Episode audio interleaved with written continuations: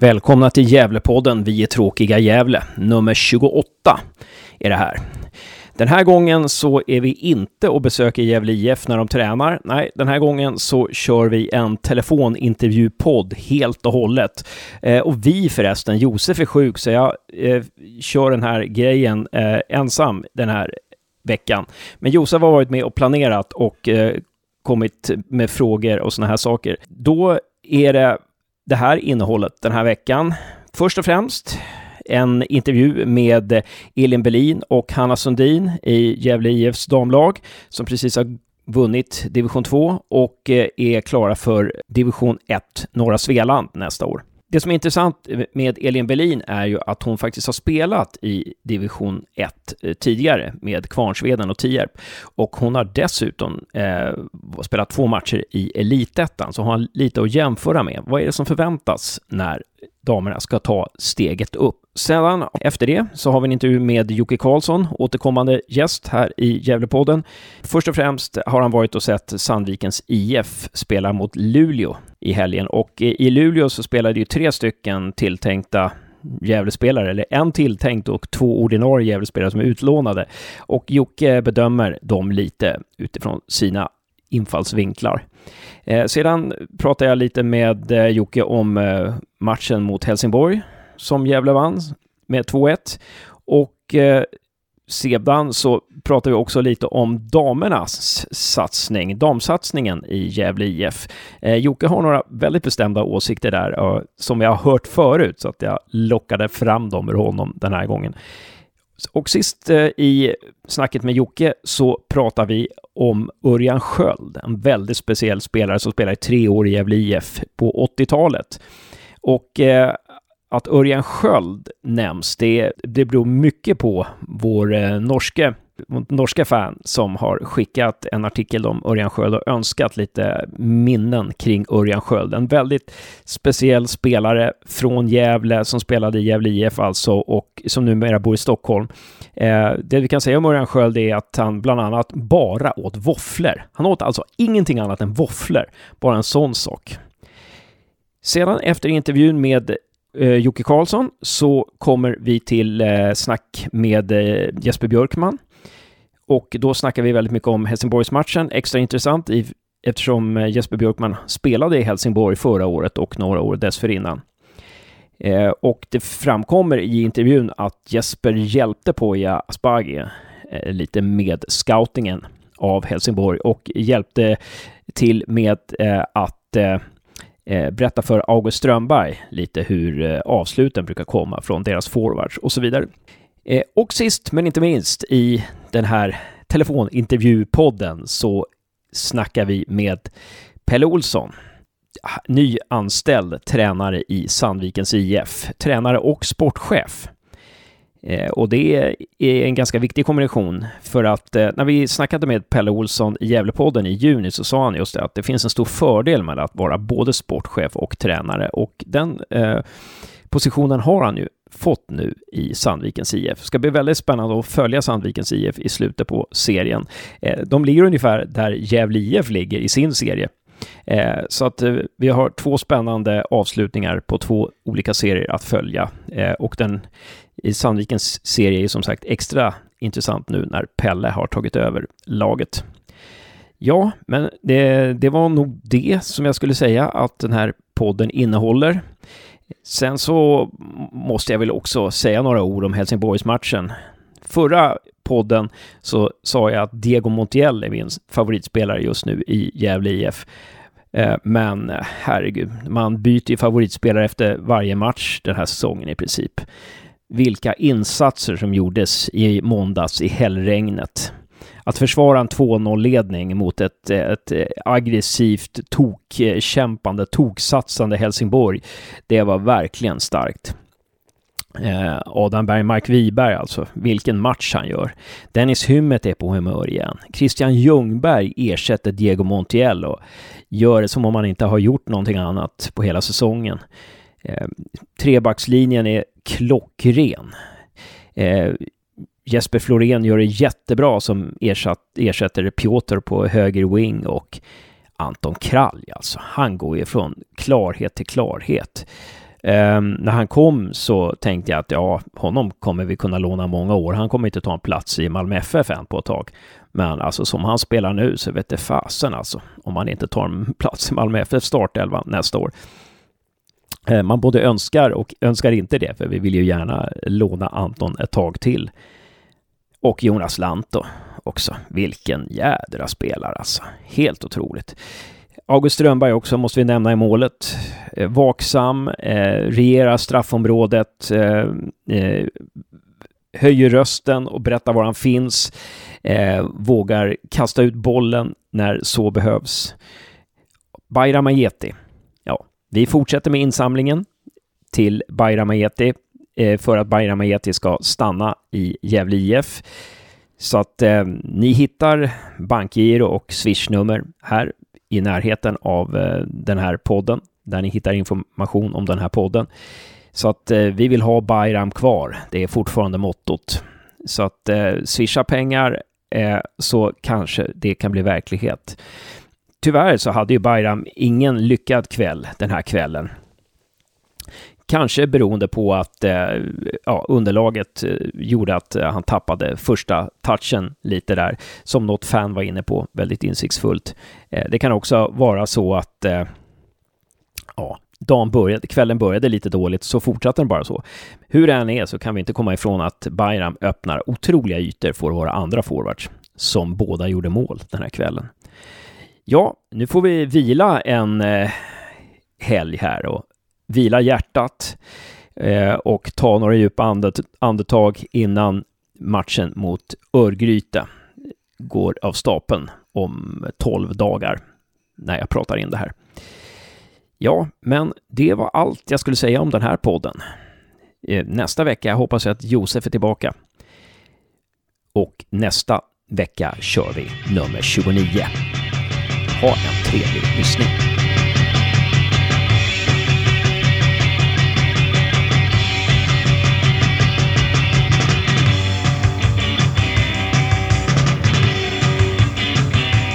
Välkomna till Gävlepodden. Vi är tråkiga Gävle, Elin Berlin och Hanna Sundin. Tack så mycket.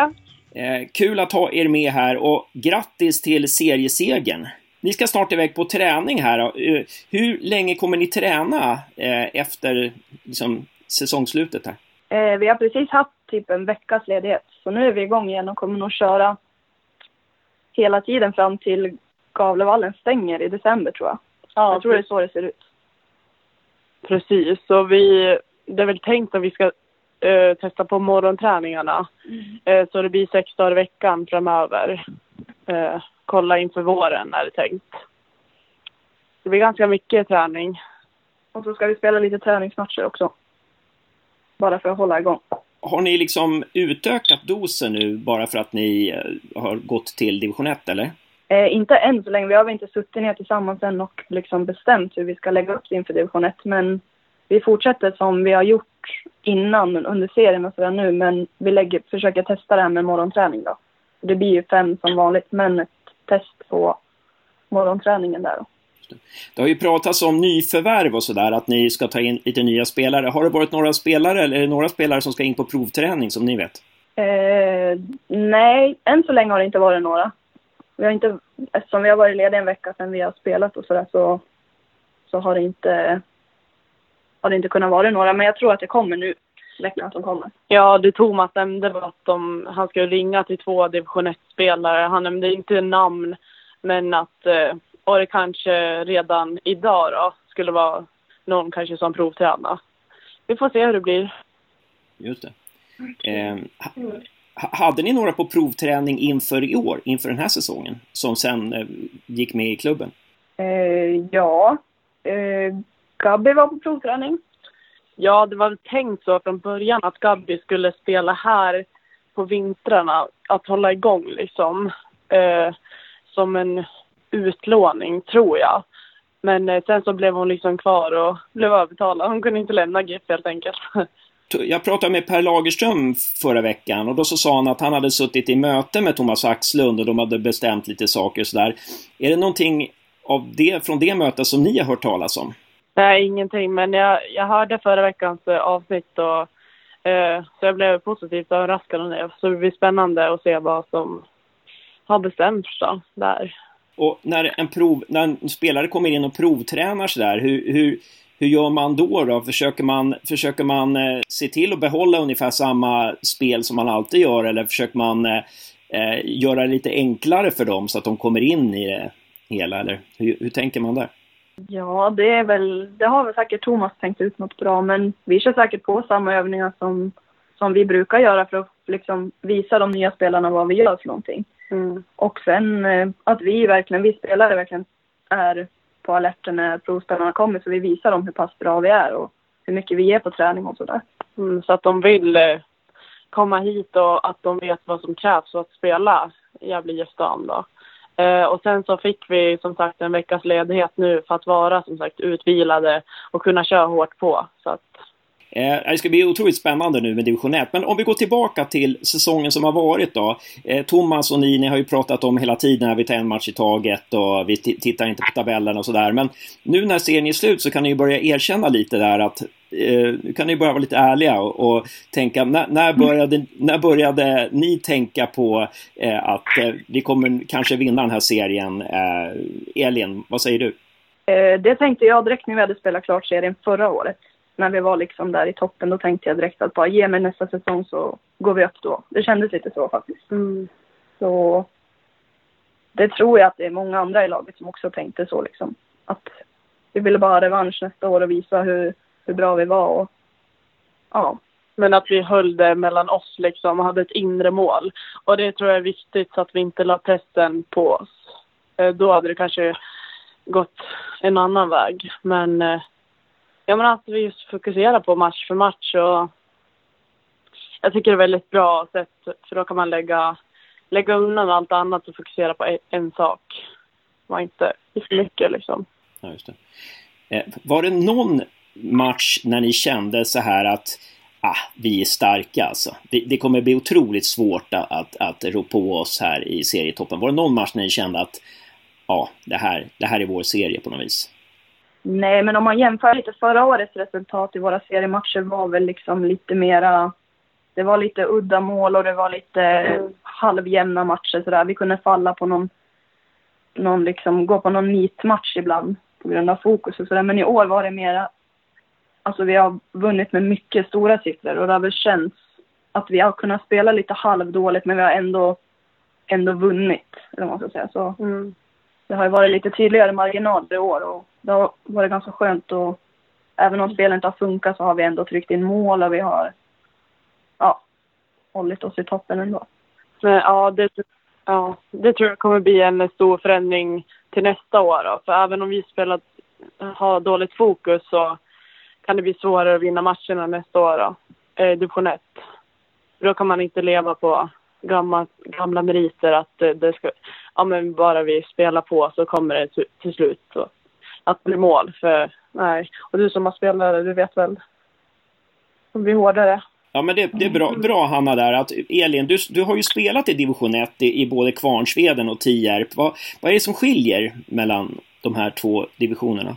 Det jag har märkt mest det har varit närkampsspelet. Det har inte varit speciellt mycket närkampsspel alls nu i division 2 tycker jag. Det har varit väldigt klent och mycket, det blir snarare ofta avlåsningar om man trycker till hårt i division 2 för att domarna känns liksom inte... Det känns som att ja, det, är inte, det är inte samma fysiska nivå. Och sen eh, absolut tempot. Man möter bättre tjejer så vi kommer ju behöva göra... Det spelet vi har byggt upp kommer vi bara behöva göra lite snabbare. För vi har ju byggt upp ett bra spel under, under den här säsongen som vi verkligen ska ta med oss tycker jag nu när vi ser in i ettan. Men liksom öka på tempot lite och bli tuffare i närkamperna för det kommer smälla mycket, mycket mer oftare. Det, det, låter som att i division 1 så är lä, ens lägsta nivå får inte vara på, ligga på så låg nivå på något vis, utan... Nej, vi kommer ju möta så pass bra lag så vi har, inte, vi har ju absolut inte råd att göra en dålig match utan vi måste ju verkligen prestera på topp varje match. Så är det. Och så, så, säger ni där att, att vårt spel, att ni, ert spel har, har, har utvecklats eh, under det här året. Kan man peka på några saker, några detaljer i spelet som, som ni har utvecklat? Vi gör ju väldigt mycket mål på fasta situationer så det är ju en bra, en bra sak att bygga vidare på kanske. Om man inte får spelmål med sig så kan vi fortfarande ta med oss det att vi gör mycket mål på fasta. Mm. Um, annars har det ju varit, alltså vi är duktiga på, ja men det är lite kortpassning, spela lite, ja vad ska man säga, lite efter backen och försöka såga oss igenom så längs kanterna och upp. Ja, jag skulle säga att defensiven har blivit mycket bättre också. Som sagt, vi har inte släppt in så mycket mål. Uh, så om man samtidigt kan täppa till där uh, så, ja det handlar inte bara om anfall heller. Så att, ja, jag tycker vi har utvecklats i defensiven. Både i pressspel och, och speluppbyggnad. Att, bli, att man blir bättre i defensiven, handlar det om samspel, så här personkemi, eller handlar det om att ligga, våga ligga närmare sin motståndare? Eller vad, vad, vad kan man peka på någon så detalj som gör att försvarsspelet blir bättre? Jag tror vi har jobbat kommunikationen mycket. Den mm. kanske har varit ganska obefintlig tidigare, men i år vi har haft det som mål också den här säsongen att jobba med, eh, med en, eh, ett begrepp som Thomas kallar, eh, vad heter det? Och, eh, decibel. Ja. Att vi ska ha 90 decibel i försvarsspel. Och det är en sak vi har jobbat efter, att liksom prata med varandra och styra liksom bakifrån, målvakt till backlinje, backlinje, mittfält och styra varandra liksom. Mm. Och det tror jag verkligen har, det är det som har gjort att vi har fått ett bra försvarsspel. Men också våga säga till varandra om man inte är påkopplad, om man inte... Ja, men om man inte gör en bra prestation helt enkelt. Eh, så att, för förut kunde det vara så här, ja, att man inte sa någonting, men nu kan det vara verkligen att jag ja, men påpekat. Ja, ställer krav. Precis. Och det, har väl gett resultat. Just det. Eh, och så har ni ett ganska ungt lag, det har vi ju kommit in på många gånger i många intervjuer och snack så här, men ni har ett ganska ungt lag och det verkar som att ni själva skulle vilja ha in lite mer erfarenhet. Ehm, och hur ser ni på det? Ja, jag som är en av de äldsta så tar ju gärna in några äldre i min ålder. men, eh, men det är klart att lite äldre kanske har erfarenhet från, från högre serier. Det ger ju liksom kanske lite stomme eller lite balans i det här med ung alltså ung, ung lite äldre och oerfaren erfarenhet, att man väger upp det där lite grann. Det blir en bra mix kanske. Ni, ni två är, har gjort bra säsonger och det finns andra i laget som har gjort väldigt bra säsong här. Och, eh, hur, pass, eh, hur tänker ni med det här att spelare kan försvinna från laget? Hur, hur pass stora är riskerna där tror ni och hur, hur många i så fall tror ni är det som försvinner?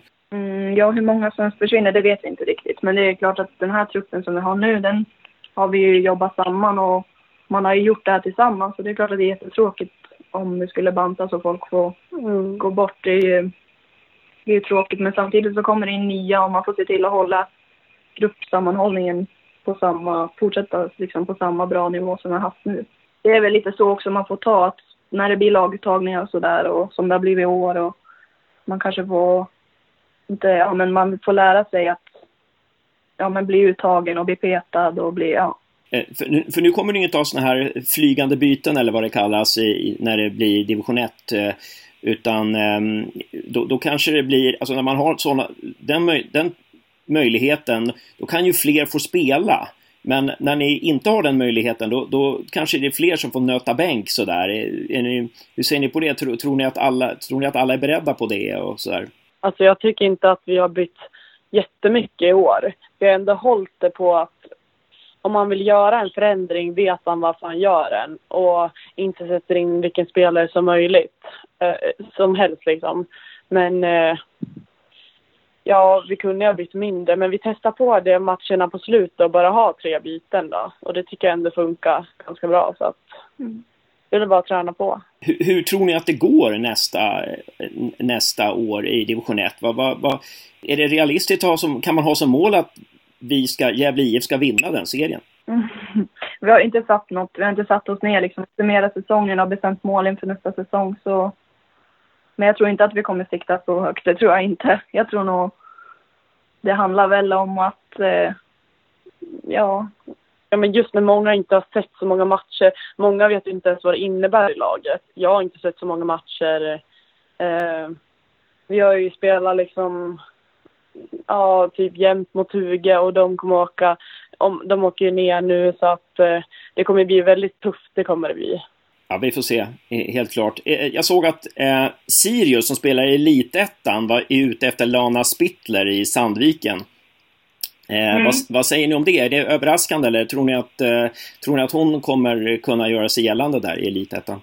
Eh, jag har bara sett en match och det var ju mot oss där. Eh, så jag har ingen riktig uppfattning om henne men hon har ju gjort sjukt mycket mål på kort tid så jag förstår att högre klubbar är intresserade av henne. Det vore ju konstigt annars. Så jag tror säkert att det kommer gå bra. Eh, ska vi se, är det någonting mer vi ska prata om? Eh, någonting som liksom ni känner att eh, det där skulle vara kul att prata om? Jag tycker bara det är kul att, eh, eh att eh, ni Gävlepodden uppmärksammar oss damerna så himla mycket. Nu pratar de om oss i typ varenda avsnitt så det, är, det är jättekul när det gör, upp, när det gör updates då, att göra både de herrarna och damerna. Så det, det är roligt. Mm, verkligen. Stort plus man har ju fått upp ögonen.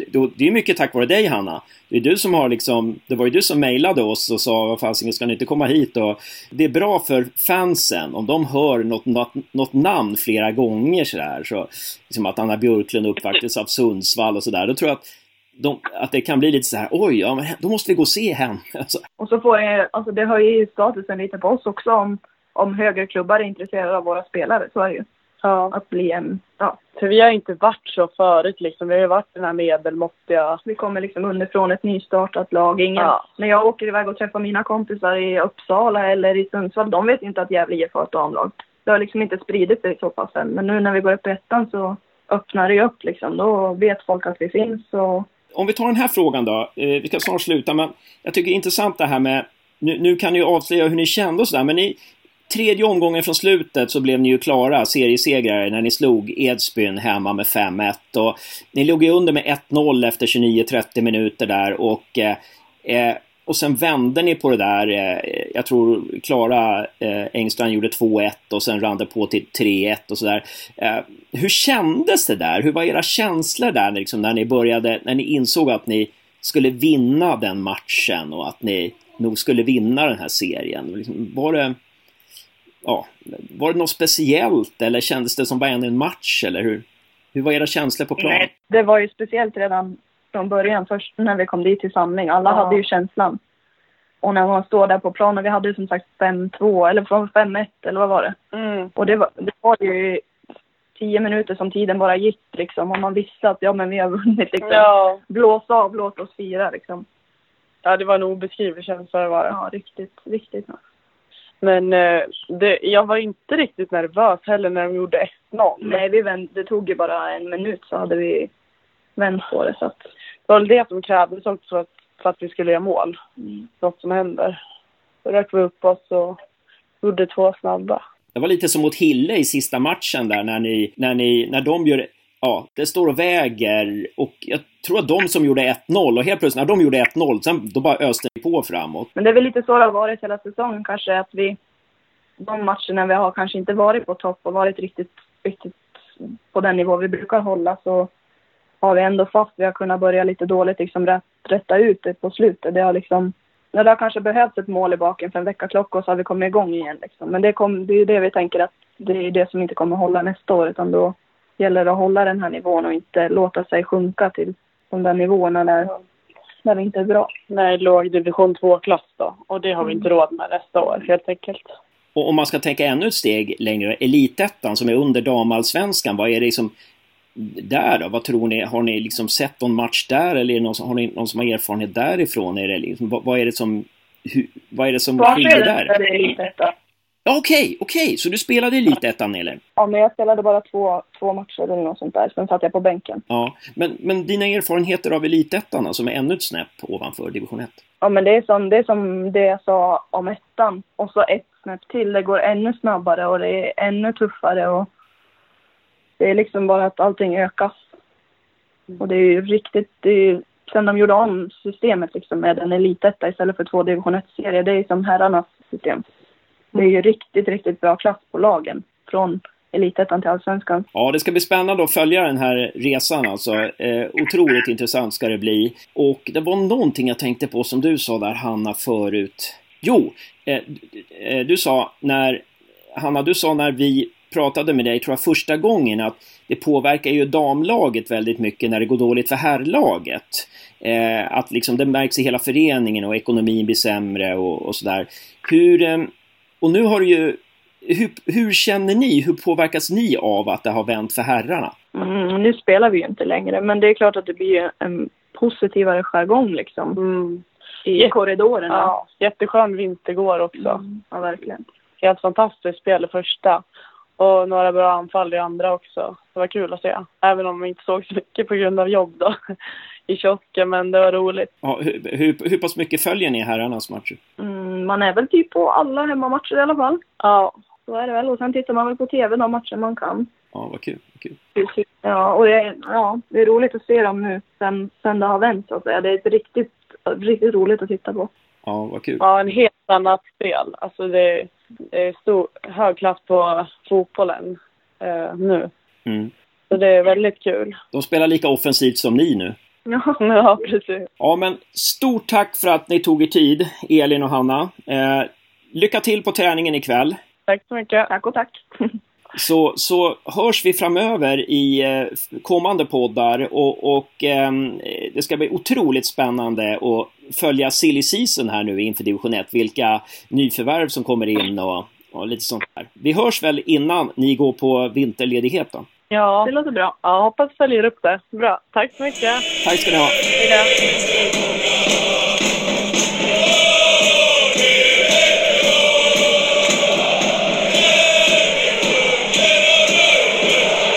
Välkommen till Gävlepodden Jocke Karlsson. Tack så mycket. Ja, du är ju vår återkommande gäst eh, ungefär var tredje, var fjärde vecka och eh, det är extra intressant att ha med dig idag den här veckan eftersom du var i helgen och såg Sandviken spela mot Luleå där det fanns tre stycken spelare med eh, Gävleanknytning. Eh, vi kan väl börja med att kolla eh, vad fick du se av eh, Chucho och eh, Adrian? Ja, eh, eh Chucho han blev ju utbytt efter en halvlekan, så det blev ju inte... Det blev 45 minuter för honom. Sen Adrian eh, spelade hela matchen eh, och tycker jag gjorde det väldigt bra. Eh, eh, Luleå spelar ju ett spel som är obefintligt med djupledsspel skulle jag vilja säga. Så det är inte lätt att vara forward och heta Ciuccio och spela. Och sen vet inte jag om, om det var eh, taktiken eller inte, men det, det var inte lätt att spela forward. Nej, de spelar ju 4-3-3 och liknande i alla fall. Eh, och ja, han fick ju egentligen bara göra säkerhetspassningar. Adrian tycker jag var väldigt... Eh, vann mycket dueller och, och hade väl väldigt bra passningsprocent. Så det slog, var roligt att, att se honom. Men, men eh, Ja, vad kul. Eh, men Adrian då, vilken, vilken eh, position spelar han på? Ja, eh, i första halvlek så, så spelar han ju Mm. någon sån här defensiv eh, mittfältare, liksom att samla upp bollar egentligen och, stå till att passa den framåt. Sen, sen ändrar de om lite och, och eh, spela 4-4-2. Då fick han gå ut på en kant och spela. Gjorde han byte och satt in någon någon, någon äldre eh, spelare där som har eh, Adrians roll då. Så han fick flytta på sig lite grann. Men jag tycker han, han behärskar ju alla delar så att säga. Ja, vad kul. Vad kul. Um, vad, vad, var det särskilt som du tyckte han gjorde bra? Adrian? Ja, jag, jag tycker just... Uh, han är ju väldigt kreativ när han har bollen. Han, han passar ju till rätt färg. Och det är ju det kan man tycka är eh, grunden i det hela, men det är väldigt många som inte gör det. Så, så det är en bra egenskap att kunna passa fler passningar till, du spelare i rätt färg än, än inte. Och, och spelar man i ett bottenlag som, som är ju hjälplig uppgift, Luleå, så, så är det ju ännu eh, större bedrift skulle jag vilja säga. Utifrån nu hade jag sett Luleå en match, jag ska bedöma dem för hårt, men det kändes som att de var, inte hade några tydliga linjer hur de skulle spela fotboll. Och då blir det ju ännu svårare att, att, att vara kreativ och, och, och, och vårda bollen. Så det, det tyckte han gjorde bra. Ja. Eh, var det någonting du, tyckte, du tyckte att han hade utvecklats på sen du såg honom i Gävletröjan?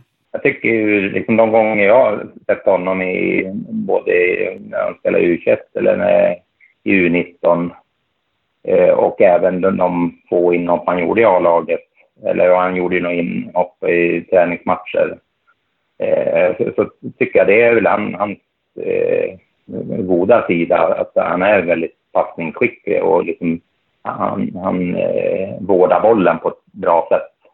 Så, eh, så det kan jag inte säga liksom, med, eh, att jag kan se att oj, här har det hänt massa saker. Utan, eh, han har bibehållit det, de, de goda egenskaperna, så kan man säga. Ja. Eh, han har ju ettårskontrakt, eh, skrivit på ett, ännu ett eh, kontrakt med Gävle, så han kommer ju tillbaka till Gävle då eh, antagligen till nästa säsong. Hur tror du att Poja bäst ska använda Adrian nästa säsong? Eh, jag, jag vet inte hur, hur Pojas tankar går, men skulle jag vara i Pojas kläder så då skulle jag ju ha, ha han eh, som, som eh, alternativ till Jonas Santo. Och det, det hade jag haft eh, Eh, jag hade inte lånat ut honom, jag hade haft honom som, som alternativ till Jonas Lantto även under hösten.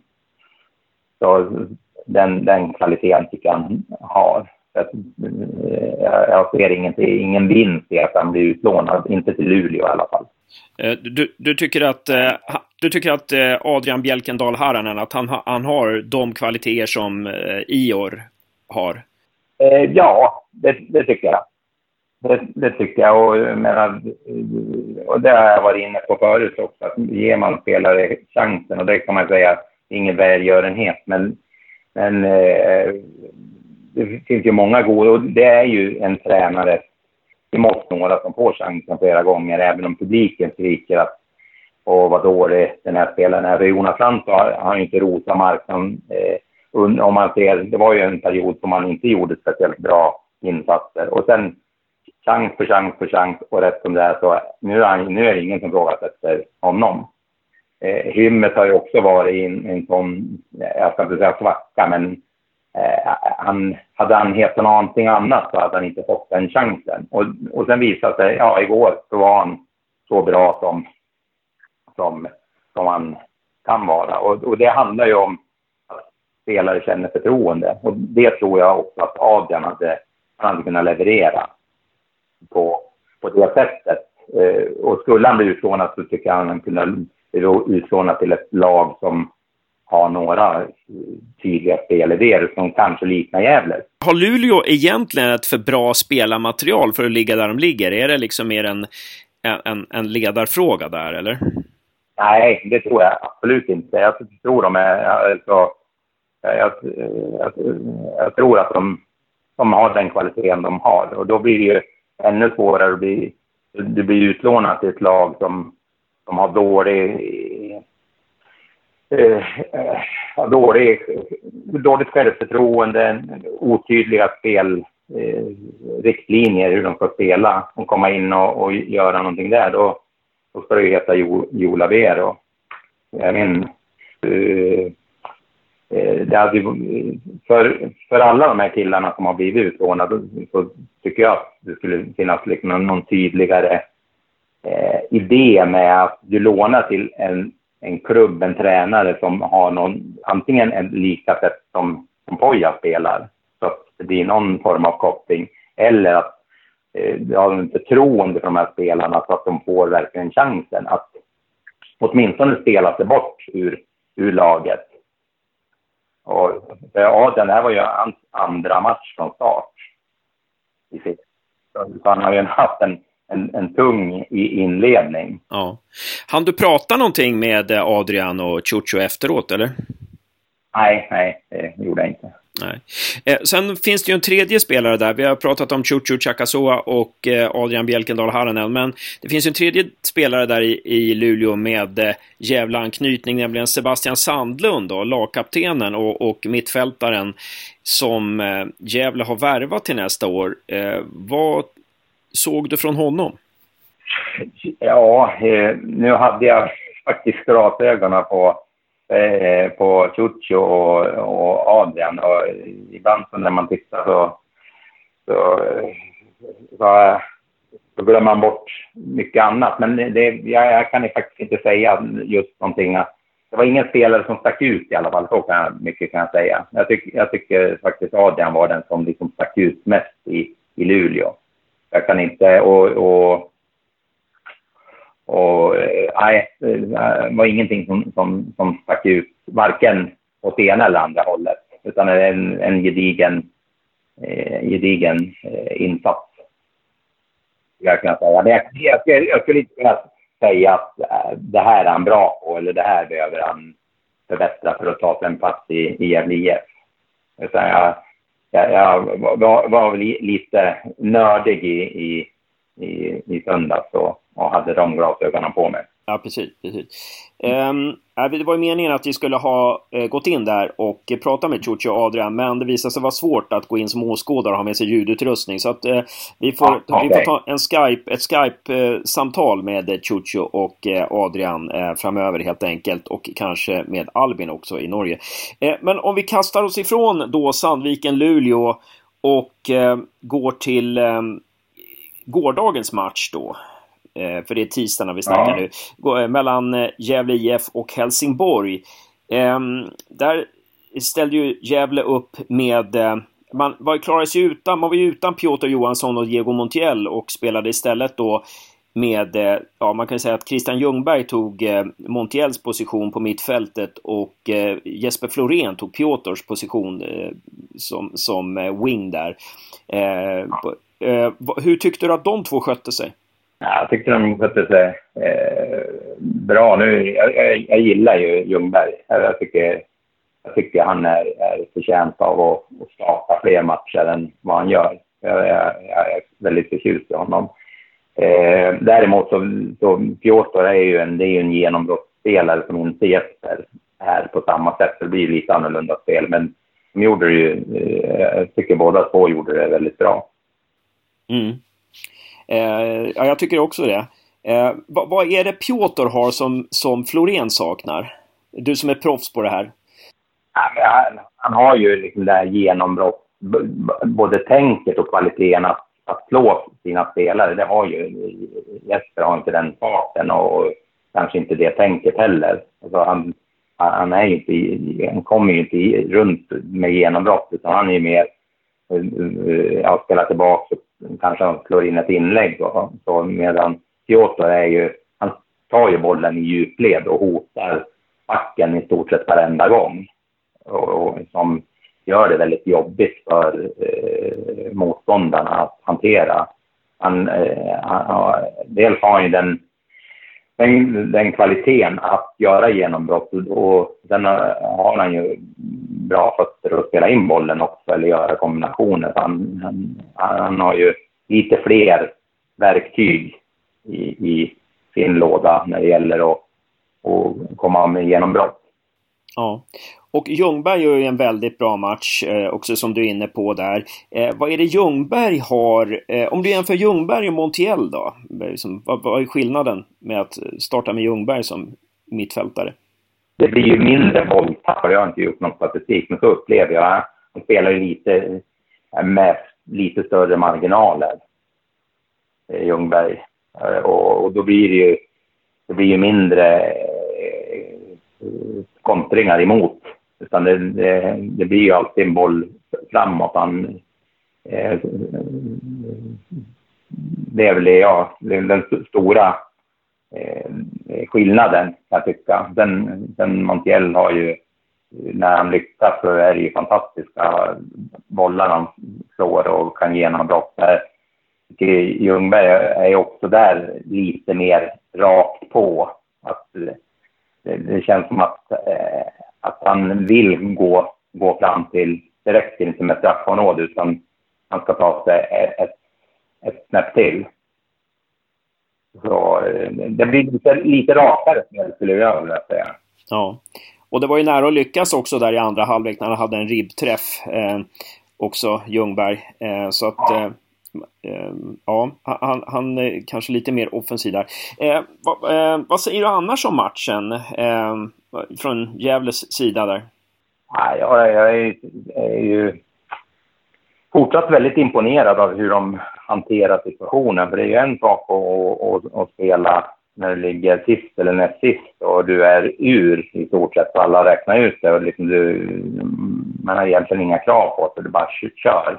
Nu har de ju hamnat i en situation där de, de ligger över, över strecket och, och, och, och ska eh, hux flux ha krav på sig. Men ändå gå ut och eh, ja, egentligen styr matchen mot Helsingborg. Sen vet inte jag om, om det var taktiskt ja, att backa hem i andra eller om, om det var Helsingborg som, som flyttade fram sina positioner. Det kan väl vara båda delarna. Men jag tyckte de eh, hantera eh, hela matchen i stort sett väldigt bra. Och det, eh, det hade ju kunnat lyckas med, med några vassa kontringar på i omställningar i, i andra halvlek som de hade kunnat gjort tredje målet också. Så de, som helhet väldigt, väldigt skickligt hur de hanterar situationen. Mm. Eh, jo, eh, Bayram Ajeti eh, kom ju bort en aning. Eh, eh, har du någon förklaring till hans insats eh, som var rätt blek igår? Nej, han, han är väl, enligt mitt tycke så, så är ju, eh, han kan ju vara borta väldigt mycket i matcherna och man kan tänka liksom vad gör han på plan? Och sen rätt som det är så gör han något helt fantastiskt i straffområdet. Så det får vi nog räkna med att det blir, han är inte en, en, den spelaren som är liksom, som lyfter laget och, och, är grimrande hela tiden, utan han är ju, han är ju inne i straffområdet, sen gör han något, något helt makalöst i straffområdet, men han kan vara borta hela matchen och man undrar om han har blivit utbytt eller varför han är kvar på plan många gånger. Så jag, jag tycker inte liksom hans spel skil, skiljer sig så mycket från tidigare. Skillnaden var att han inte kom till så mycket avslut. Då. Och det, eh, det kan ju vara, tycker Helsingborg i början, alltså, de hade ju väldigt mycket folk i straffområdet och liksom utanför. Det var svårt att komma till. De blockade ju väldigt mycket skott från, från Gävle liksom, när de var in, nästan inne i straffområdet. Det var ju liksom sex, sju, åtta stycken i... Så det är inte så lätt att, att peta in någon boll där. Så det, det är nog... Alltså, jag, jag tror att eh, den där matchbilden, den kan man nog få räkna med.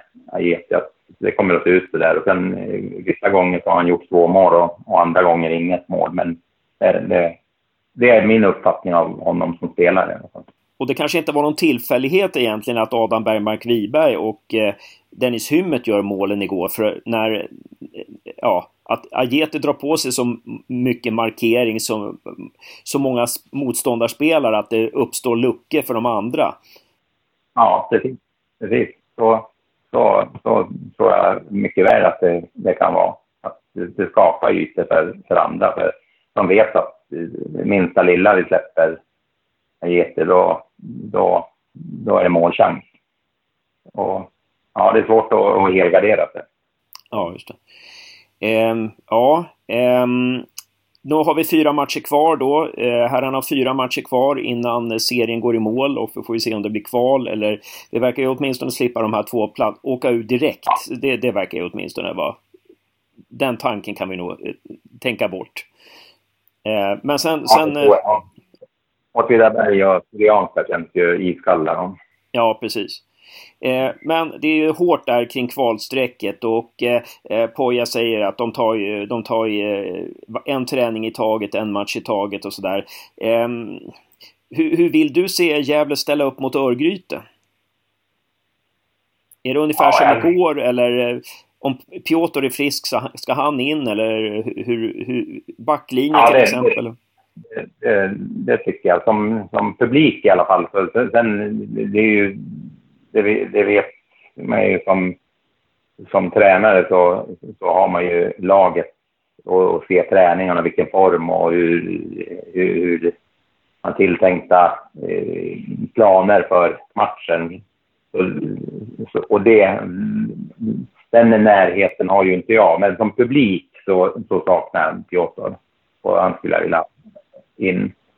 Eh, men annars så tycker jag under den här hösten så tycker jag de har visat många olika sidor. Vi var ju inne på det när de spelade mot Falkenberg så visade de på ett sätt och sen nu mot Helsingborg så, eh, så Helsingborg försökte i alla fall eh, ha en liten chans att eh, ta den här kvalplatsen till allsvenskan och de, var ju, de såg ut som ett kvallag i nedre skiktet igår.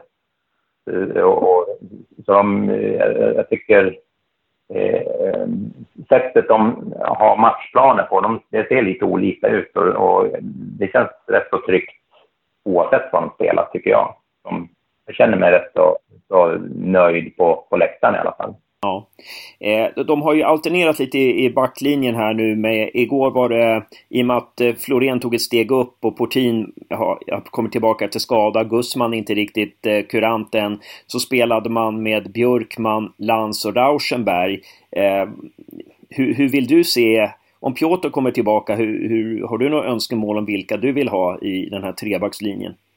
Ja, jag, jag, är, jag är förtjust i i Jesper Björkman också. Jag tycker han varenda gång han, han är på plan så levererar han och är stabil. Och, så, så, så han får gärna fortsätta för min, min del. Det tycker jag. Eh, Björkman sa igår i en intervju med Helsingborgs Dagblad att han de matcher han har startat så har Gävle aldrig förlorat den här Nej. säsongen. Det är ganska starka papper. Ja. Så men eh, jag har ingen aning om varför han blir bortvald eh, i stort sett hela tiden. När alla är, är friska och, och ingen avstängning, då blir han ju bortvald. Men eh, eh, jag ser gärna att han, han är kvar på plan i alla fall. För jag, jag, jag tycker han har goda kvaliteter. Som det, det sättet Gävle spelar på så tycker jag han passar alldeles utmärkt som försvarsspelare. Mm.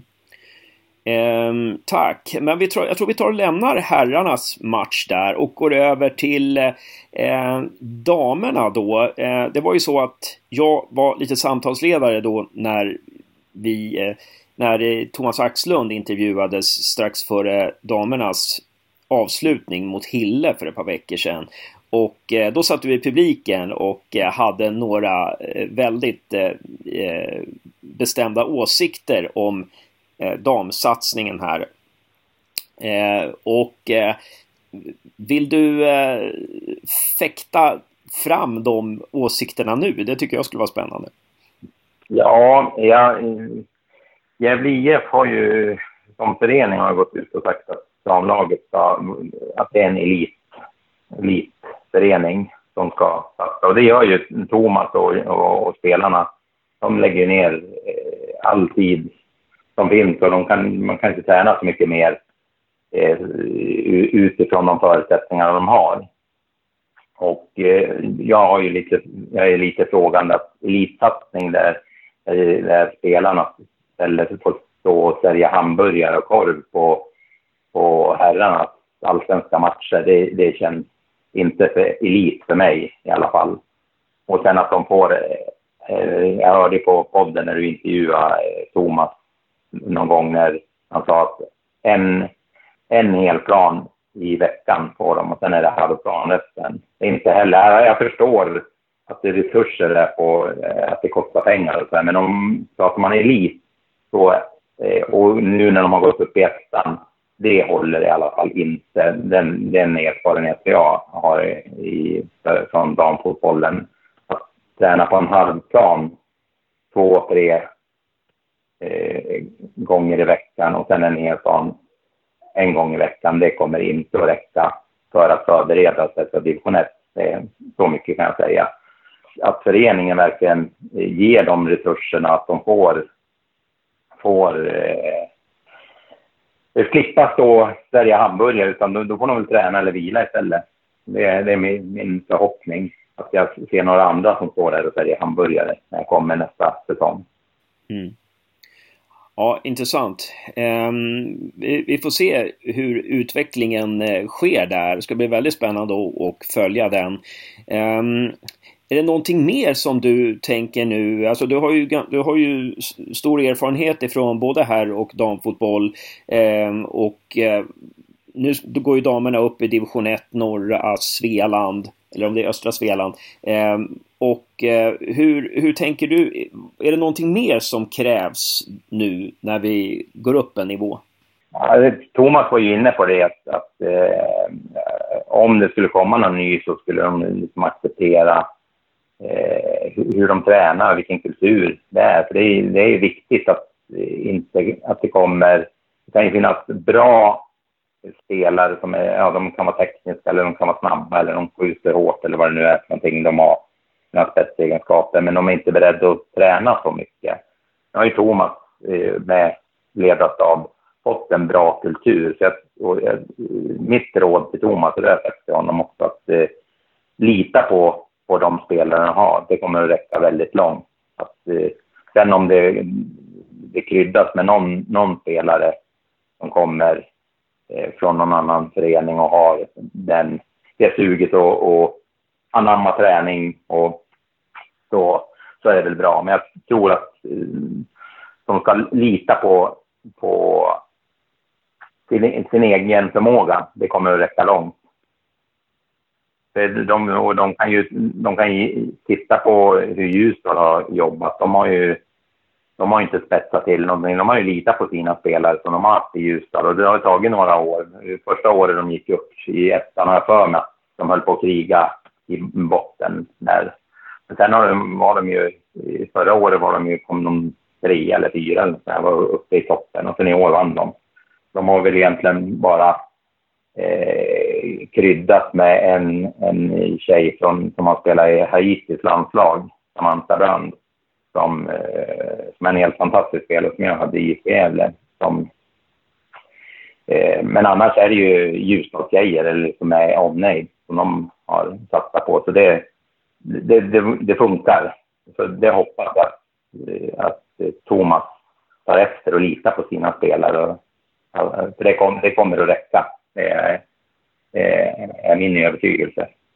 Eh, och man, det är ju unga spelare och unga spelare utvecklas ju oftast eh, fortare än äldre spelare. Eh, man ser ju på Klara Engstrand till exempel som, som eh, spelat på en rad olika positioner förra året och nu blir forward och skjuter eh, in 27 mål. Ehm, bara det exemplet visar ju att eh, eh, unga spelare har något speciellt. Ja, och, och där, där står de ju också i, i ett dilemma. Det är tacksamt att ha unga spelare som går i skolan, för då kan du ju, då kan du träna så mycket som möjligt och, och, och eh, utan att det stör. Men när du har gått ut skolan, som många av giftspelarna gör nu, eller har gjort, och, och börjar på jobb och sen kanske de får någon partner och det är där den här satsningen som tjejerna behöver, det stödet behöver de få, på, på, från föreningen. För annars håller jag med att unga spelare har ju liksom fantastiskt, det går ju att utveckla dem hur mycket som helst. Men på, på damsidan så ser det lite olika ut. Alltså vi räknar med att eh, ja, dels får de ju betala stort sett allting själva också. De får ju ingenting mer, det, nu, nu kan jag inte allt när de åker på träningsläger, men de åker till träningsläger till Ljusdal och, och, och Åbyggeby, Ockelbo. Så, och, och det är frågan, har de, är det pengar som de har jobbat ihop eller? Eh, för det blir ju svårare för, för de här, när de blir lite äldre, när de får jobb, att, att uh, ta chansen att få utvecklas. Så, så det, det, jag är helt enig med, med dig att de här unga tjejerna, de kan gå från 0 till 100, men då behöver de få förutsättningarna också. Och, där, och, när vi snackar förutsättningar så, så alltså, vad jag förstår så finns ett önskemål från damlaget. Men det, alltså, det kan vara fel, men det, jag tolkar det som så att, att det ska finnas någon form av kontrakt också. Eh, att, eller att, att, spelarna får någonting, att man lockar kvar, eller håller kvar vissa spelare genom att ge dem vissa förmåner. Eh, jag tänker till exempel på Anna Björklund som jag tycker är ett stort geni alltså på planen som, som är Eh, men jag tycker liksom att alla borde gå och se Gävle IF, om inte annat för att se Anna Björklund i aktion. Alltså, och, eh, jag menar, hur tänker du där? Ja, och, och det är väldigt...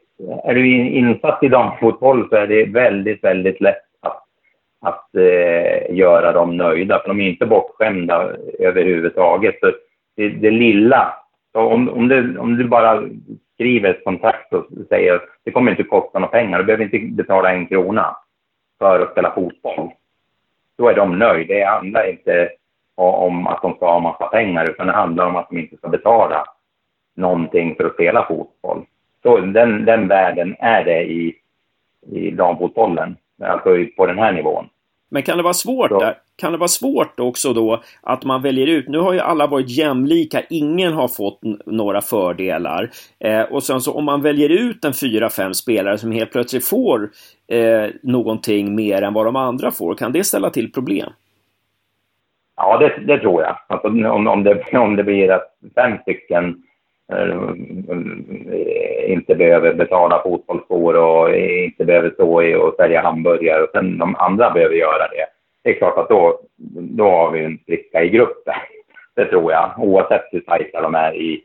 Men eh, jag, jag tänker att det kostar ju inte så mycket att, att få tjejer att bli bekräftade på, på, inom fotbollsvärlden. Alltså det är väldigt små, små detaljer som, som gör väldigt mycket. Som skulle kunna göra också att de skulle kunna locka till sig, förutom mm, bra plan och mm, fina omklädningsrum och, och god träning. Så, så är det, det är en liten summa i, i, i, i helheten.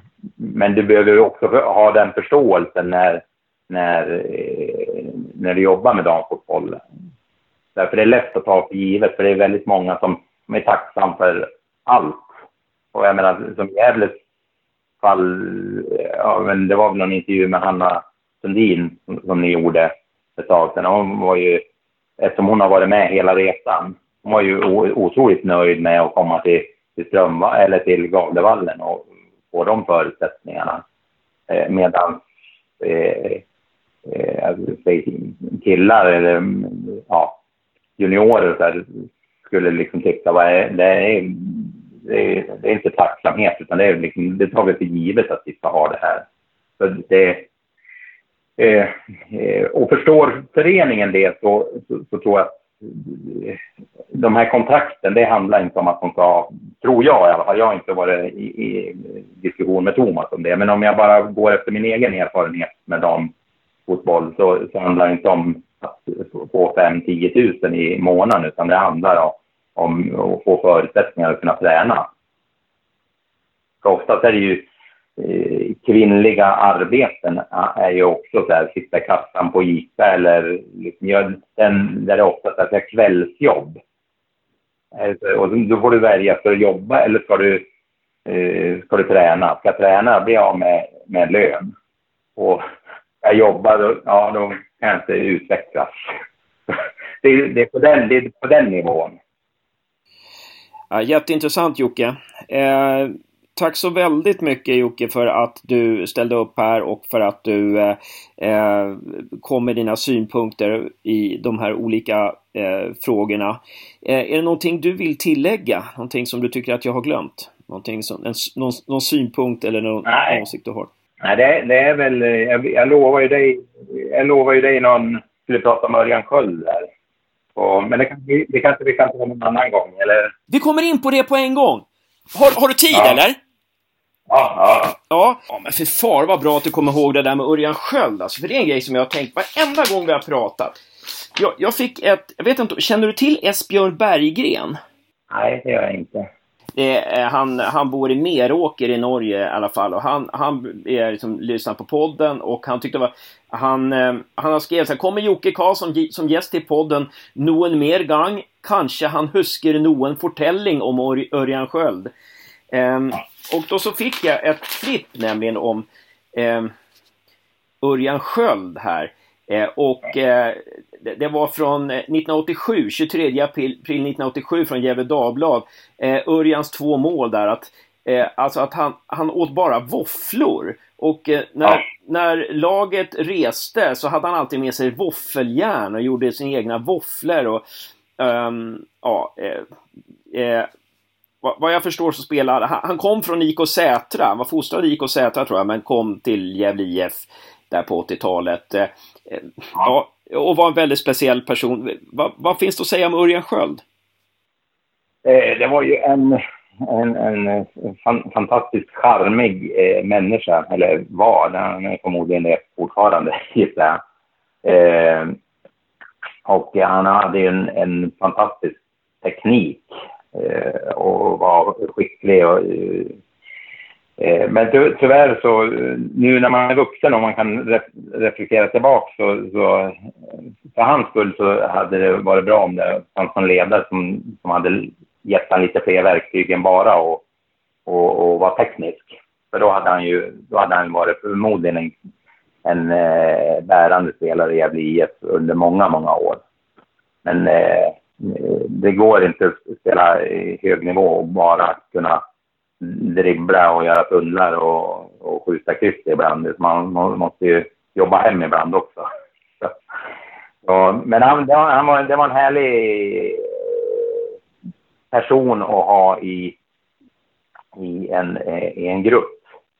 Både på gott och ont. Han kunde ju, men i och med att han var så charmig så kom han ju igenom med så mycket. Och jag, jag har ju en vi, vi spelar, jag spelar ju mest i, i då hette det B-lag, nu heter det U21, men då, jag spelar ju mest i, i B-lag och, och, det gjorde Örjan också, även om han gjorde no, några fler eh, insatser i A-laget än vad jag gjorde. Så, så skulle vi åka till Åtvidaberg och, och spela en, en match en, mitt i sommaren, 25-30 grader varmt. Sitter och väntar i, i bussen på Örjan och glider han in precis när samlingen, liksom, om vi skulle åka halv två säger vi, så då glider han in eh, och sen har han en surfingbräda på, på taket.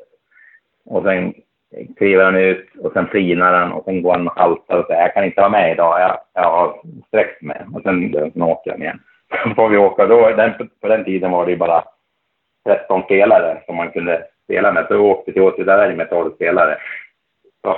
Men det är bara han som skulle komma igenom med. Eh, eh, matchen efter så blev han uttagen i A-laget och sitta på bänken. Det var ingen annan av oss som åkte till Åtvidaberg som fick chansen. Men eh, det, det, är han i ett nötskal skulle jag vilja säga. Alltså även om det, det kanske inte låter som något, något, något smickrande anekdot, men även och då, där och då så var man ju riktigt irriterad. Men därefteråt är det ju en väldigt rolig eh, rolig berättelse kan jag tycka, även om, om, om jag var med om den själv. Men han var väldigt, väldigt eh, eh, som sagt, hade han fått lite mer verktyg så hade han eh, förmodligen gjort en, ett par, 300 matcher i Gävle IF eller kanske spelat eh, i allsvenskan mer. Var han med Gävle sista året i allsvenskan på 80-talet eller?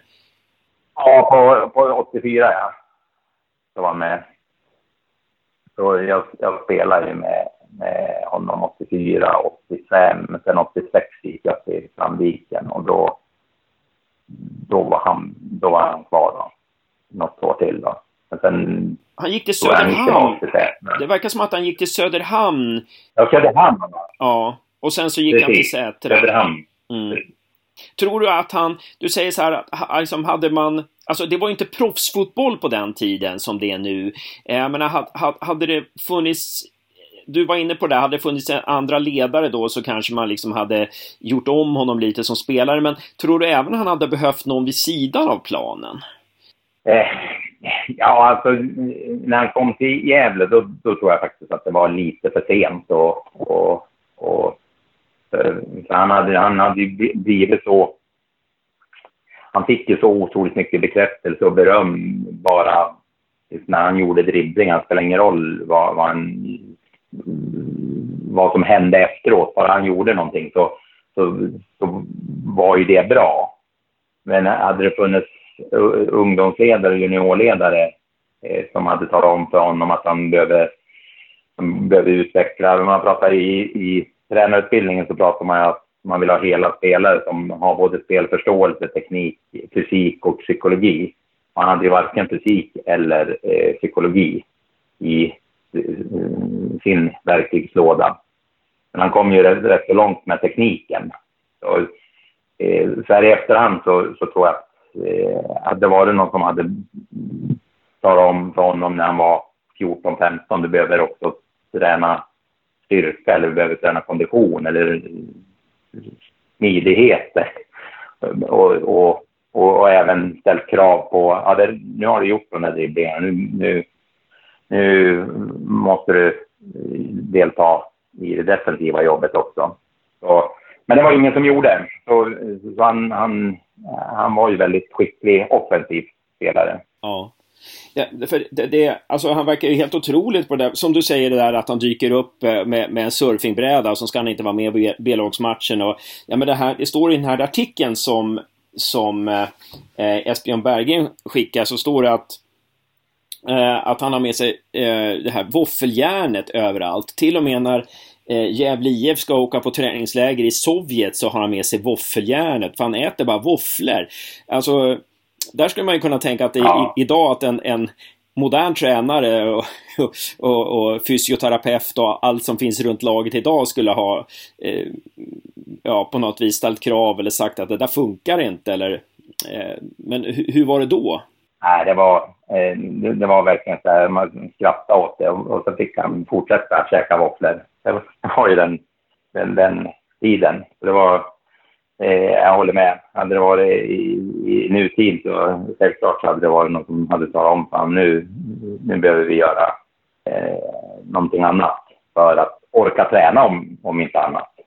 Så, så, så, men då var det bara, alla skrattade åt det i stort sett. Ja. Kommer du ihåg någon mer sån där eh, Ur Örjan Sköld-historia? Det är ju det är ungefär lik, li, li, liknande historier som man och han blev ju, han spelade ju när Micke Rönnberg kom till Gävle IF också. Och de blev ju, eh, de blev ju eh, verkligen bästa kompisar på, både på och på sidan om plan, kanske mest på sidan om plan. Och, och var, var populärast på, på uteställena. Eh, de, de var rätt så lika varandra i, i sättet. Där. Så, mm, men det var en, var en eh, som sagt, det var en charmig person att ha i, i, en grupp och även om, om, om man kunde reta upp eh, många lagmedlemmar så, så var han oförarglig på något sätt också. Så det, det blev, mycket, det blev mycket skratt runt honom i alla fall. Han, han, eh, han han lag att det var, var en god miljö i, i, att, träna i alla fall. Och trevligt att komma och träna. Just det. Eh, det, var, det verkar som att hans karriär, eh, ja, runt eh, 86-87 någonting så, så verkade han mer eller mindre ha, ha ja, att han trappade ner då. Eh, och då var han alltså bara 23-24 år gammal eh, när han trappade ner där. Men när skulle du säga att det här, alltså, den här artikeln som jag har framför mig är 1987 och då, då har han gått till Sätra. Eh, han är 23 år gammal eh, eh, och lever på våfflor. Eh, men om man, om man flyttar tiden 10 år framåt till 1997 då. Eh, hade det, var, var klimatet annorlunda då?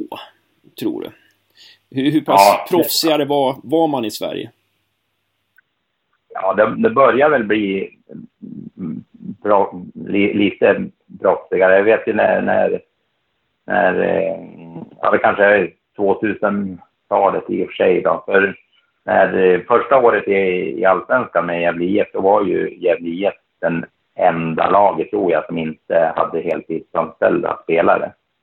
Och då, eh, då hade väl de här Eh, rutinerade, etablerade lagen i allsvenskan. De hade väl eh, varit mer eller mindre proffs i ett antal år. Så där, det, det, kan nog, det kan nog stämma där vid 97, 98 att eh, det, det börjar bli proffsspelare i, i Sverige. det var ju, det var ju ingen som, som hade, med Johannes Eriksson, han, han var ju brevbärare, han liksom cyklade en runda och dela ut post innan han kom och tränade. Det låter ju helt galet nu. Så, eh, men så, så var det. Ja, precis. Tänka liksom en, en, ja, en sån här dag när det regnar och kanske blåser lite och han gör, han gör ett träningspass på, på jobbet först och sen kommer han och tränar. Det, så, men det, det var nog säkert där någonstans 97, 98 som... Och, och då hade det förmodligen varit någon som hade styrt upp det hela och inte bara skrattat åt det. Ja, just det. Just det, just det. Tack för att du ställde upp i Gävlepodden Jocke Karlsson. Otroligt intressant. Eh, hoppas vi får använda oss av dig fler gånger. Jättegärna göra. Tack så jättemycket.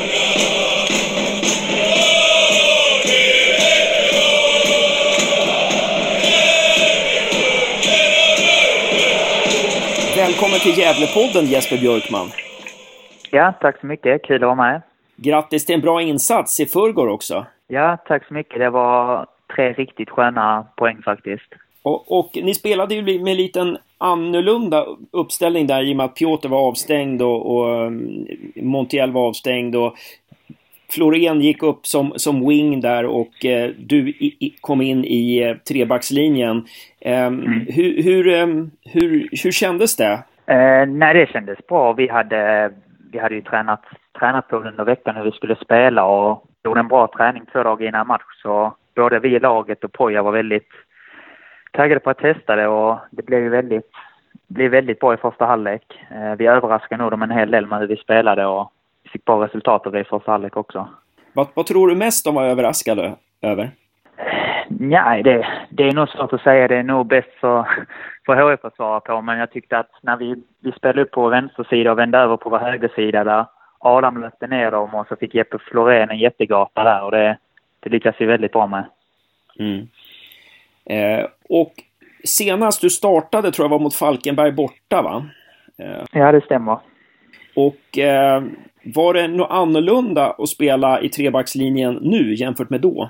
Eh, ja, det, var, det måste jag nog säga att det var för att vi hade kanske en liten annan inställning till matchen i Falkenberg nu. Nu var det på vår hemmaplan på vårt konstgräs där det är vi som ska, ska styra och ställa. Nere i Falkenberg var det en liten mer defensiv inriktning på det, men eh, ja, båda matcherna funkar ju bra. Ja, det känns som att ni sorterar väldigt bra på, på hörner och inlägg och fasta situationer.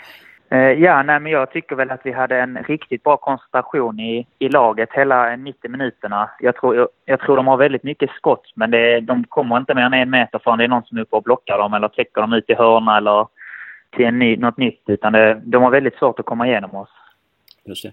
Ni blir lite låga där i andra halvlek. Var det frustrerande som försvarare att eh, Helsingborg liksom fick Eh, starta om ganska snabbt sina anfall? Eh, ja, självklart är det det. Eh, det var inte planen egentligen utan de, de vände om till en väldigt offensiv taktik och det, det, visste vi om att de skulle bara gå ut och köra. De hade ingenting att förlora. Och de var väldigt starka i det spelet och vi fick inte riktigt eh, hålla i bollen så länge som vi hade tänkt utan vi, kom, vi slarvade bort den lite snabbt. Um, och det blev väldigt tungt för oss. Det var många trötta spelare. Men som jag sa innan att vi hade en fantastisk inställning hela matchen. Alla offrar sig verkligen för laget. Och även om vårt spel är fint så är det liksom inställningen som gör att vi vinner matcherna. Mm. Det var ju verkligen oceaner ibland eh, av ytor på deras planhalva som borde varit perfekta för, för Ajeti och eh, eh Adam där. Men, men, eh, eh tror att, tror att så här att så ni, hade ni gjort 3-0 så hade det kanske kunnat rinna på till 4 och 5-0 också. Men kan det, kan det finnas en fördel med att vinna med 2-1? Alltså, och, och ha den här styrkan att försvara sig, försvara en 2-0-ledning? Eh, ja, själv, självklart fick vi ett, alltså man får ett stort självförtroende när vi märker att även om de trycker på hur mycket som helst så skapar de faktiskt inte jättemånga heta chanser. De har någon i stolpen där, men eh, vi visar att vi är väldigt starka defensivt och det är en, det är en stor trygghet. Sen samtidigt så, det skulle alltid varit skönt att göra 3-0 och slippa den spänningen i slutet men eh, nu blev det väl extra, extra skönt när man fick vinna liksom och det höll på ända in i slutsignalen. Ja, men alltså, det, det är fascinerande hur täta ni är nu om man jämför med början av säsongen. Alltså det, det, eh, det, det, är, det är helt fascinerande när man jämför de två olika. Alltså ni, det, det är så betongförsvar verkligen. Eh, alltså, om, om, du jämför försvarsspelet då och nu? Eh, ja, det är en väldigt svår fråga här för det är ungefär rent defensivt så har vi ungefär samma spelare och men vi spelar väl på ett helt annat sätt där vi, jag tror att motståndarna är mycket mer trötta när de har boll eftersom vi, de har fått jaga mycket när vi har spelat runt och det är väl en stor fördel. Sen är det väl, det är väl svårt att jämföra ändå. Jag tyckte inte att det var, vi hade mycket, alltså, jag vet faktiskt inte hur jag ska, ska jämföra de perioderna. Det är väldigt svårt om man ska vara ärlig. Men, men kan det helt enkelt vara så som du är inne på att vi hade inte så mycket boll då. Vi var ganska reaktiva då i, i våras under, ja, under de första tio omgångarna där, vilket gjorde att vi fick många fler anfall emot oss. Kan det vara liksom, är det en stor sanning? Det, det är ju def, det är definitivt en sak. Har man bollen mer så får man försvara mindre och sen så måste jag väl säga att vi var, vi var väl lite väl passiva i våras. Vi har blivit mycket mer aggressiva nu och när de ska slå inlägg så är det väldigt långt dit eller måste göra en väldigt bra prestation för att få in bollen överhuvudtaget. Så det underlättar väldigt mycket för oss backar. Och eh, Florén och eh, Kralj gör ju en, en, en strålande defensiv, alla gör en strålande defensiv insats men eh, det, det, måste vara rätt skönt att ha, ha när, liksom, när Kralj och Florén jobbar livet ur sig där, alltså eh, utanför ert, utanför backarnas ja. område. Ja, nej, det är som du säger, de gör ett fantastiskt jobb. Eh, Jeppe har inte spelat där alls mycket sen Poja kom hit, men gör det han gör det hur bra som helst och Krall vet vi om att han har varit stabil hela, hela liksom hösten så det var inte så förvånande. Men nej, det, det är jättebra även att de orkar följa med uppåt och fylla på så vi skapar tryck. Eh, nej, så de var helt klart väldigt viktiga i matchen. Micke Dahlberg kom ju in då. Eh, en spelare som du har spelat med nu i Helsingborg. Eh, eh, och eh, han, han är faktiskt väldigt, eh, han är väldigt viktig för dem när han kommer in där. Hur, hur skulle du beskriva Micke Dahlberg som spelare? Eh, det är väl den, hans bästa egenskap är väl att han är otroligt smart och klok spelare. sen är han givetvis väldigt farlig i luften och eh, är bra på att liksom leverera bollar till sina medspelare. Sen samtidigt så hamnade han mycket mot Martin Rauschenberg som gjorde ett väldigt bra jobb mot honom och lät inte riktigt mycket för, vinna så mycket delar som han vanligtvis gör. Så jag tyckte Martin gjorde ett riktigt bra jobb där med att plocka bort honom. Ja, precis. Det, det är, eh, Micke i sina bästa stunder måste vara en av Sveriges svåraste huvudspelare liksom, att, att rå på där. I och med att han är så stark också. Så att, eh. Ja, absolut. Han är ju fantastiskt bra på det spelet. Det var väl något han utvecklade väldigt mycket när han var i Gävle första gången. Och han använder sig eller, av det fortfarande. Mm. Du som har spelat i Helsingborg då, och du, du har ju inte spelat under Per-Ola Ljung då, men, men eh, kände du igen någonting i Helsingborg? Du kände ju igen många gamla lagkamrater förstås, men kände du igen något, något i spelet som, sen förra säsongen? Ja, alltså det är väl, HF har väl alltid spelat på ett hyfsat liknande sätt. Um, däremot så den här säsongen har man haft lite svårare att kontrollera matcherna, men uh, de är ofta rätt stabila bakåt. Ehm, men jag hade jättebra koll på dem. Jag har väl sett alla matcher jag kunnat i år och har bara missat någon när vi har spelat samtidigt som dem. Så där tyckte jag hade en stor fördel att jag visste vilka, som, vilka spelare som var deras nyckelspelare och försökte plocka bort dem och se till att vi hade markering på dem hela tiden. Mm. Kunde, du hjälpa Poja där någonting liksom i, i, analysen eller? Lite grann kanske. Vi, vi pratade väl en del om grejerna och han, han ställde några frågor så sa jag så gott jag kunde men då lite så här småtips till vissa i laget också om hur man skulle hantera vissa i, i HF när de kom och hur de sköter så. Prata lite med, med vår målvakt August om och så. Ja, det är bra. Det är bra. Ja, och sen så, jag, jag såg intervjun med dig i Helsingborgs Dagblad där och eh, eh, ja, jag, tycker det är så, jag tycker det är alltid kul att se intervjuer med dig för du, du ger så mycket av dig själv i alla intervjuer. Eh, det, det, är väldigt, eh, det är väldigt kul och det var ju när du var med i podden också förut, alltså det var ett väldigt populärt avsnitt också. Eh, men, men jag såg den intervjun med dig, då, då, ja, du, du var lite så besviken, eller ganska besviken på att du inte har fått spela så mycket. Kan man förklara det varför du inte får spela så mycket? Eh, ja, eh, det kan jag väl. Det handlar väl lite om hur, hur på jag vill spela fotboll och när han kom hit så hade jag kanske inte det bästa självförtroendet rent offensivt. Eh, jag är alltid väldigt trygg i min defensiv och den går fortfarande väldigt bra, men offensivt så jag kanske inte van att mittbackarna har för mycket ansvar, eh, så jag kanske har spelat lite väl, lite väl enkelt i offensiven och lämnat över bollarna till andra när jag egentligen själv skulle kunna lösa det uppspelet till exempel. Och det är lite det vi har pratat om och vi har jobbat på och som jag jobbar med varje vecka. Jag tycker jag, jag tar små kliv där hela tiden och sköter mig bra defensivt. Så jag, jag hoppas att jag förstärkte mina chanser att spela nästa match nu. Ja, ja verkligen. Eh, och, och, sen sa du någonting i Helsingborgs Dagblad, eh, det här med statistik, att de matcher du har startat så har ni inte förlorat någon, eller hur, hur var det där? Nej, det, det, vet jag inte. Jag, det sa jag nog inget om, men eh, jag, sa, jag, jag, sa, jag sa bara att jag hade, att de två senaste jag har startat nu har det gått bra. Eh, och de har vi vunnit och det hoppas jag fortsätta med. Ja, det var så, just det. Jag, jag läste, in, jag läste in för mycket där alltså. ja, nej, för det, det stämmer inte riktigt. Det, det var inte många vinster på vårsäsongen. Ja, just det. Nej, precis.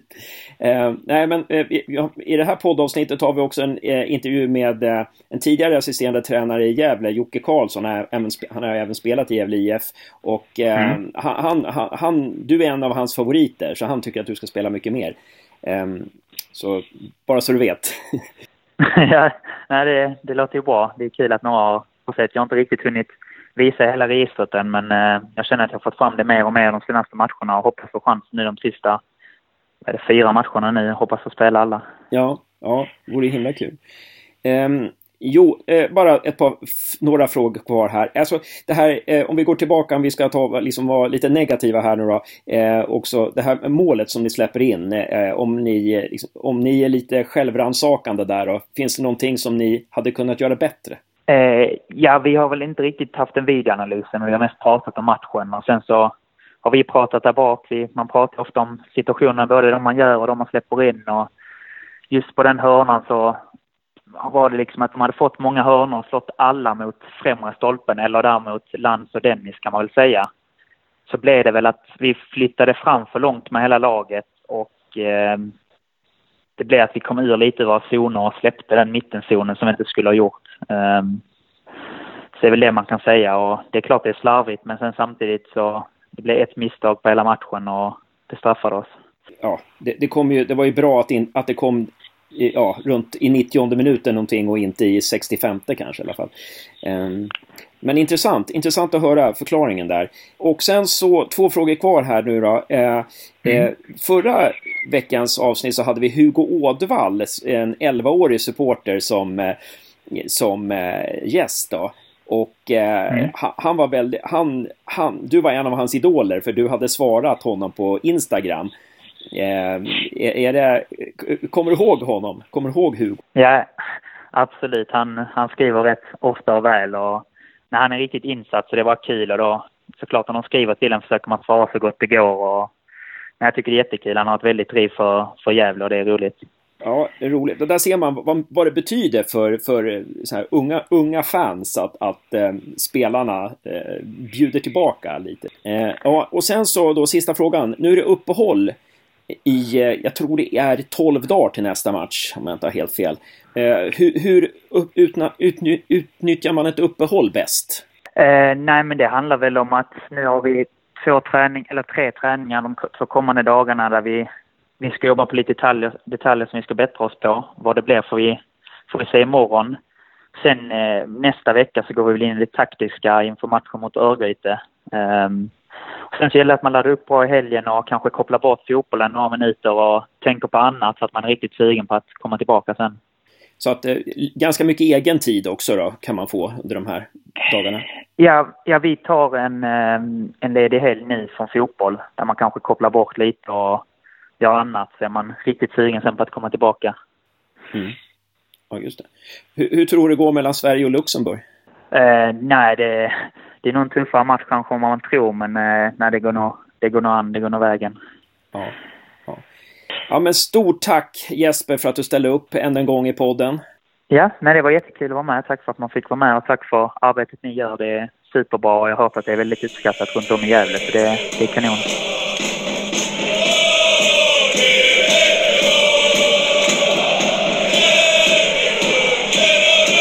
Välkommen till Gävlepodden, Pelle Olsson.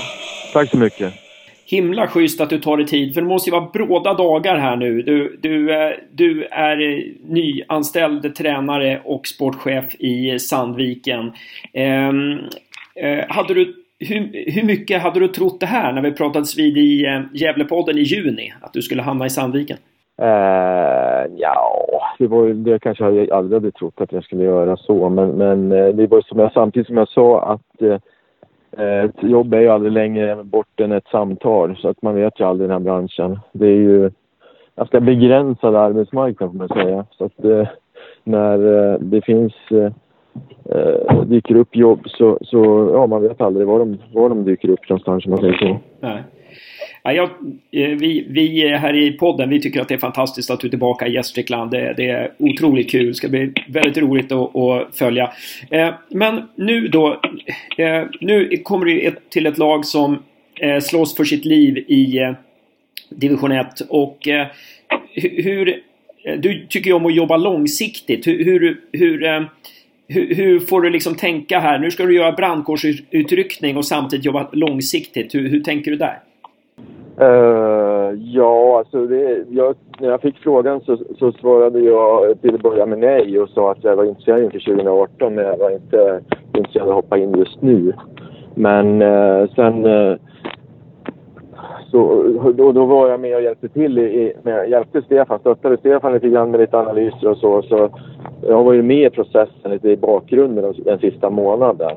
Men sen blev det en situation som gjorde att jag kunde, att jag var tillgänglig. Då kunde, och vi, vi var överens och då, då, då hoppade in. Men då, då kan man säga att jag har följt laget under en, en, en månad och de, jag har varit på fyra av de senaste fem matcherna. Och laget har ju tagit tio poäng på de sista fem matcherna. Så det är inte något sjunkande skepp på det sättet. Det är bara det att det, det är tre lag som åker ur och det blir väldigt tajt där kring, kring strecket. Som de andra lagen tar poäng. Utan för min del så gäller det att att se till att varje match, att vi är maximalt förberedda inför matchen på, på lördag mot Nyköping till att börja med. Den är ju, den är ju en uh, väldigt tydlig streckmatch i och med att de ligger placeringen ovanför.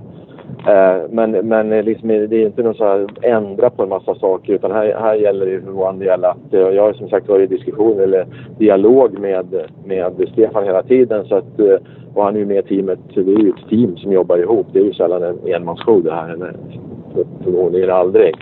Så att vi, eh, vi jobbar med detaljer i spelet. Det blir någon justering i och med att det är lite en annan typ av matcher. Vi spelar på gräs och sådana saker. Det är en riktig, riktig kvalmatch kan man säga, den här matchen som kommer nu. Men jag, eh, jag kan säga det också att jag, jag sa till, vad jag sa då i det skedet att det spelar ingen roll om laget åker ur eller inte. Jag är fortfarande intresserad av att jobba, jobba 2018 i ett, i ett längre perspektiv när, när jag i första skedet tackade nej. Det hade inte med divisionstillhörigheten att göra. Det, det sa jag redan efter jag slutade i Djurgården att jag var intresserad av att jobba liksom i ett projekt och det, AFC blev inte riktigt den typen av projekt som, som eh, jag hade tänkt mig och det, det äh, finns möjlighet till här. Eh, det är några gamla Gävlespelare i Sandviken som du hade på din tid i, i Gävle IF. På vilket sätt tror du att de kommer vilka nya sidor hos tränaren Pelle Olsson tror du att de kommer att få uppleva? Eh, Olof Mård och Jonte Hellström och eh, Hjalmar Öhagen.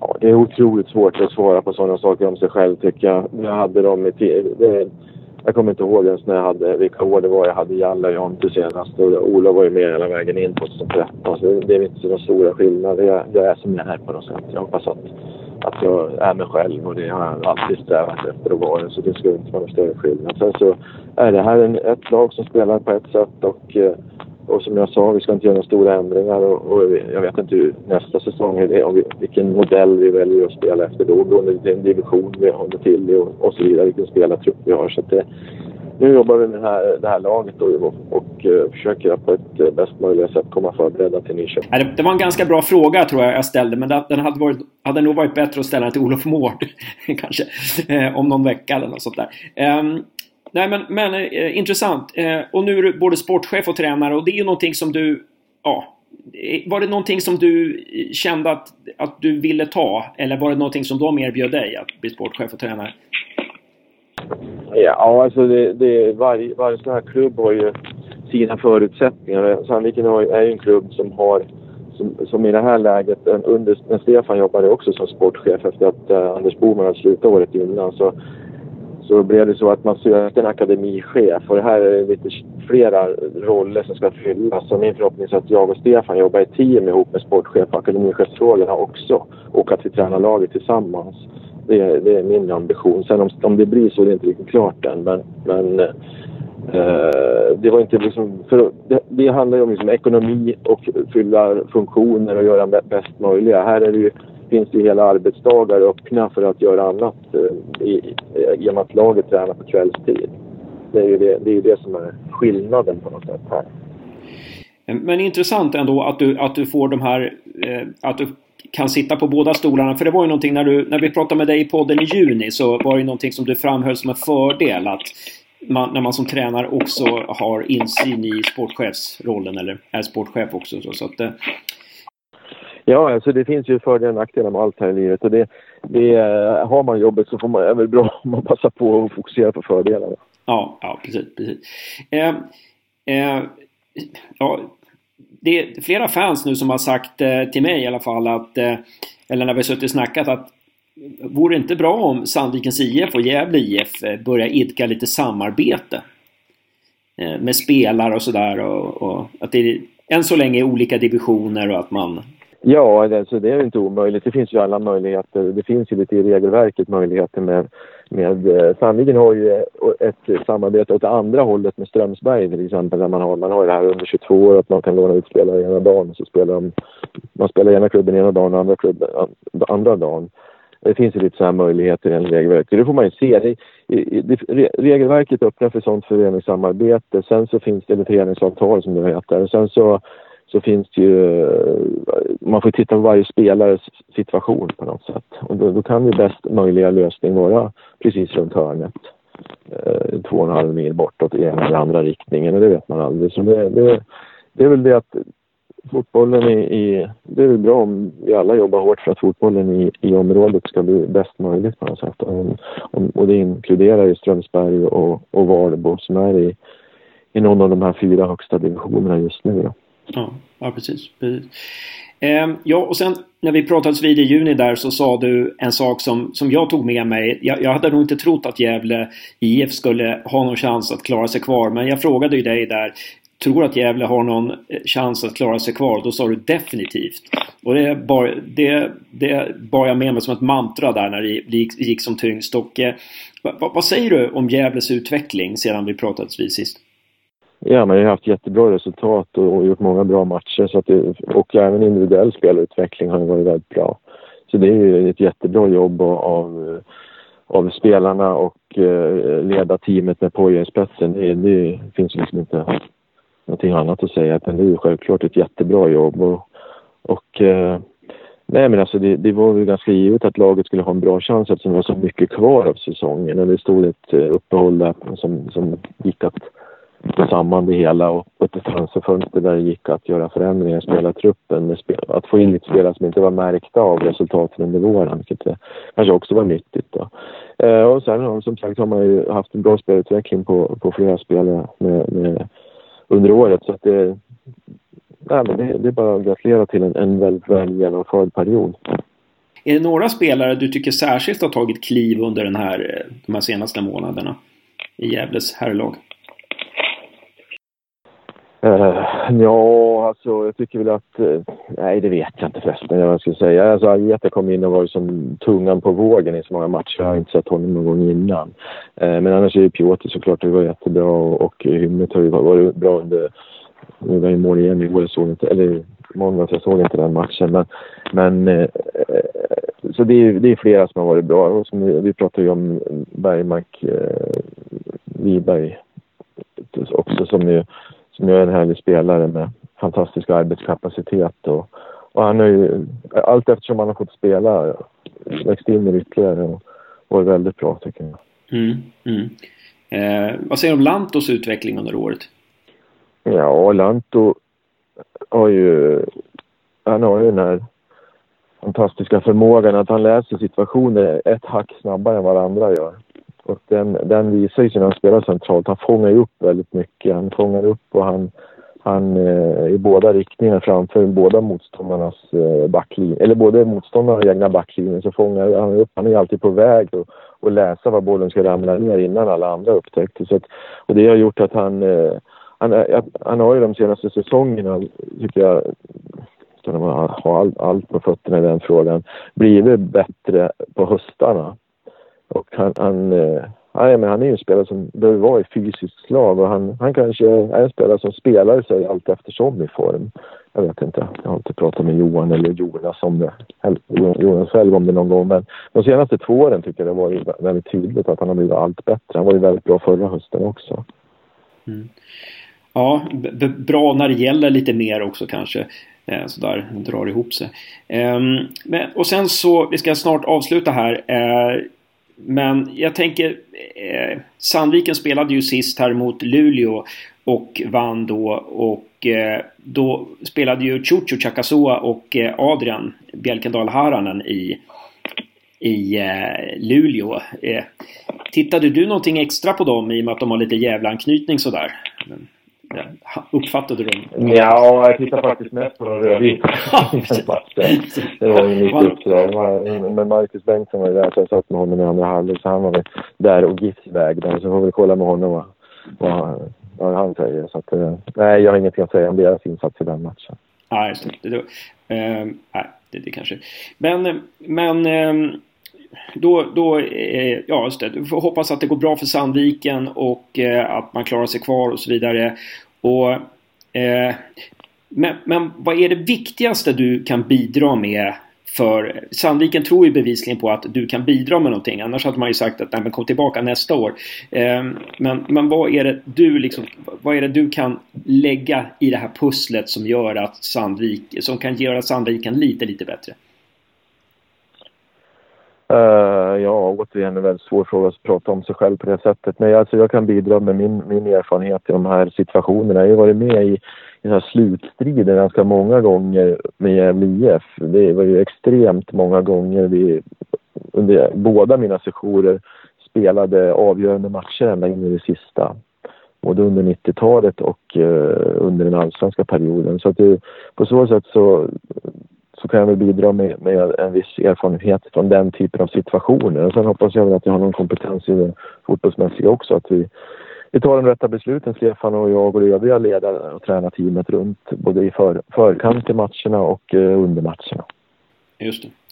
Var inte, om du minns tillbaka där, eh, jag vet att du inte gillar att minnas tillbaka, men eh, om vi minns till, bara sista frågan här. Nå, någonting det här, alltså någonting där du, om du minns tillbaka när, när Gävle var som mest indraget i, i bottenstriden och, eh, och de sista omgångarna där. Eh, vad var det ni liksom la fokus mycket på då?